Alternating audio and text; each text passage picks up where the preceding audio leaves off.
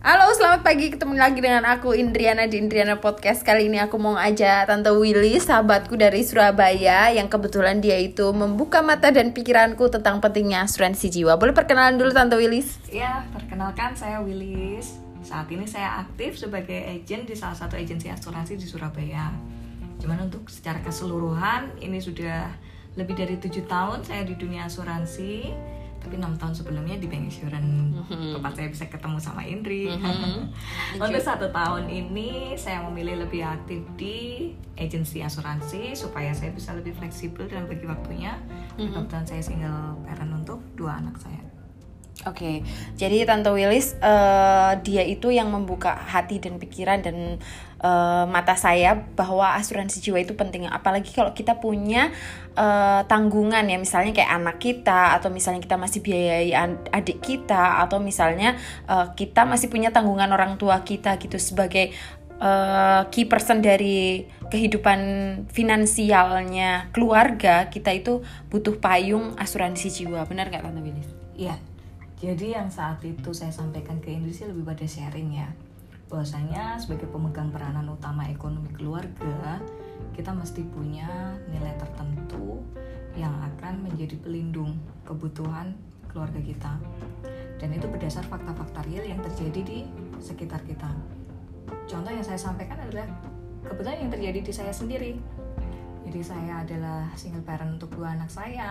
Mereka masih dalam usia sekolah di Mhm. mana masih panjang kebutuhan hidupnya di Mhm. masing-masing tahapan itu juga butuh support secara finansial dan saya merasa berkewajiban untuk memberikan yang terbaik Mhm. yang sesuai kemampuan saya untuk menjamin kebutuhan mereka di masing-masing tahapan ini terpenuhi Mhm. seperti itu karena kita harus sadarin bahwa yang namanya rezeki jodoh usia itu kan sudah Tuhan yang tentukan ya Mhm.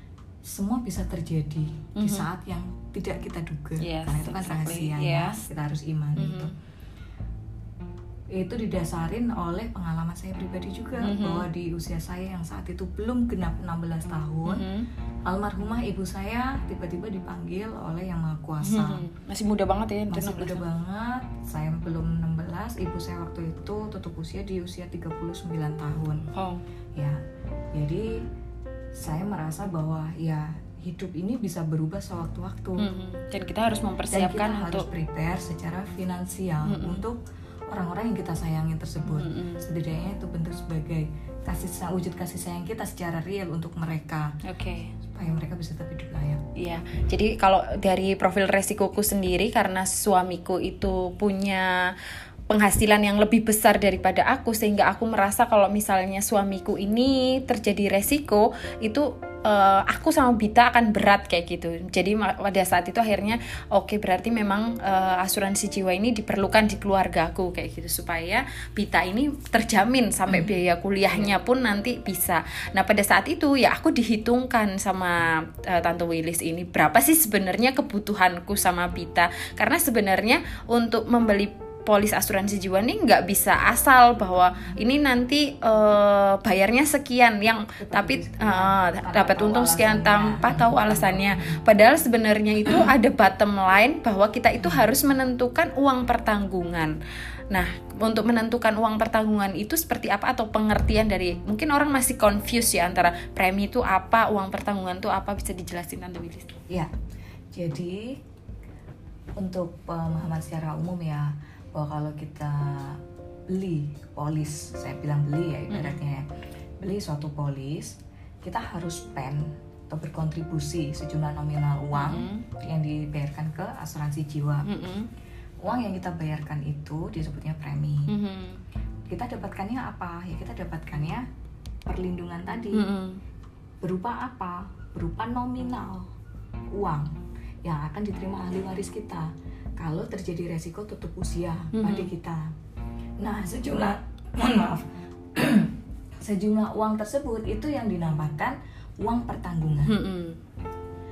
Nah, uang Untuk pertanggungan sorry, uang pertanggungan itu yang akan dibayarkan jika terjadi resiko. Resiko, Nah, betul. Oke, terus jadi untuk menentukan uang pertanggungan sendiri juga ada cara menghitungnya nggak Setiap asal- orang beda-beda setiap tergantung orang profil berbeda-beda resikonya. Iya, betul sekali Jadi kondisi di satu rumah tangga dengan rumah tangga lain beda, Beda ada yang Jawa. sebulan misalnya pengeluarannya cuma 3 juta atau ada yang sebulan pengeluarannya mereka 100 juta nah ini Ya, profilnya beda-beda nah, itu yang harus kita hitung sebagai agen asuransi dan klien kita temukan.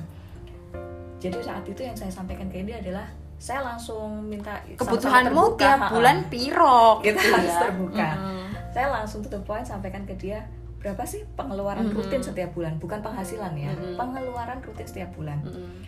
Itu yang kita hitung untuk bisa memproyeksikan berapa besarnya dana yang dibutuhkan sebagai UP tadi Mm-mm. untuk bisa menjamin keberlangsungan hidup dengan standar layaknya di Mm-mm. saat ini menjamin dia tahun demi tahun hingga kita bisa dewasa ha-ha, bisa, bisa mandiri secara seperti itu. finansial ini kan sebagai backup karena kita nggak akan nggak dia pengen as, uh, resiko itu Mm-mm, terjadi tidak. tapi kita juga tidak tahu Mm-mm.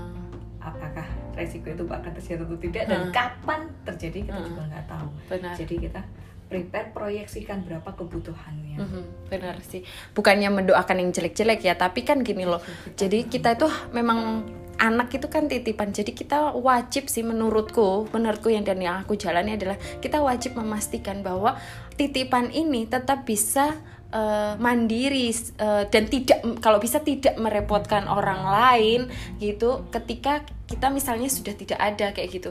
Nah sedangkan eh, mungkin kita nih kondisi kondisi finansialnya bukan yang kaya tujuh turunan yang nggak bisa meninggalkan. Misalnya kita dalam kondisi yang tidak bisa meninggalkan harta warisan yang banyak yang bisa menghidupi anak kita misalnya. Nah jalan-jalan tengahnya adalah ya ini dengan kita membeli polis misalnya kita cuman bayar berapa sih eh, misalnya tiap tahun kalau aku polis per tahun ya terus tapi ketika eh, sesuatu resiko terjadi anakku tuh tetap bisa ya berjalan seperti kita tuh kayak ninggalin warisan lah. Iya. Kadang orang berpikir gini, eh, ini diskusi sebentar ya. Kadang orang berpikir gini, oh eh, itu enak ya, eh, udah ditinggalin rumah misalnya kayak gitu, udah ditinggalin mobil, udah. Tapi kadang orang lupa bahwa terus kalau udah ditinggalin rumah, emangnya dia nggak butuh hidup kayak gitu loh. Padahal yang penting adalah kita memastikan bagaimana hidup, itu berlanjut tetap dengan berjalan standar, kayak ya, gitu.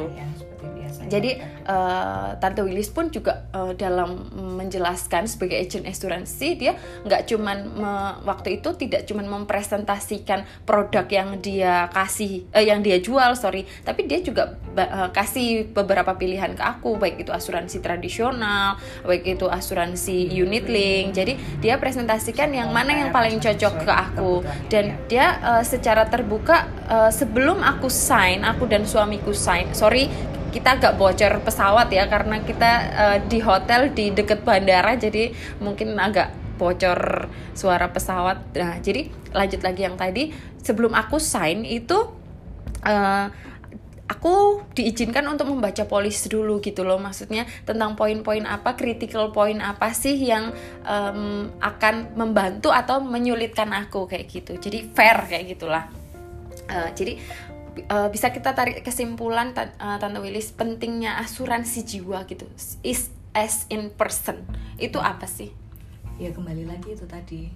Kita sebagai pemegang peranan utama ekonomi di keluarga bentuk dari upaya kita untuk menjamin keberlanjutan hidup orang-orang yang kita sayang Mhm. itulah perlunya kita punya uang pertanggungan jiwa. Mhm. karena kita belum tentu bisa tinggalkan sawah yang luas, Mhm. uang eh, yang berlimpah, Mhm, mhm, rumah yang beberapa unit Mm-mm. seperti itu untuk Mm-mm. keluarga. Tapi kita tetap bisa memberikan nominal senilai dengan semua itu hanya dengan spend jumlah yang jauh lebih kecil. mhm, mhm.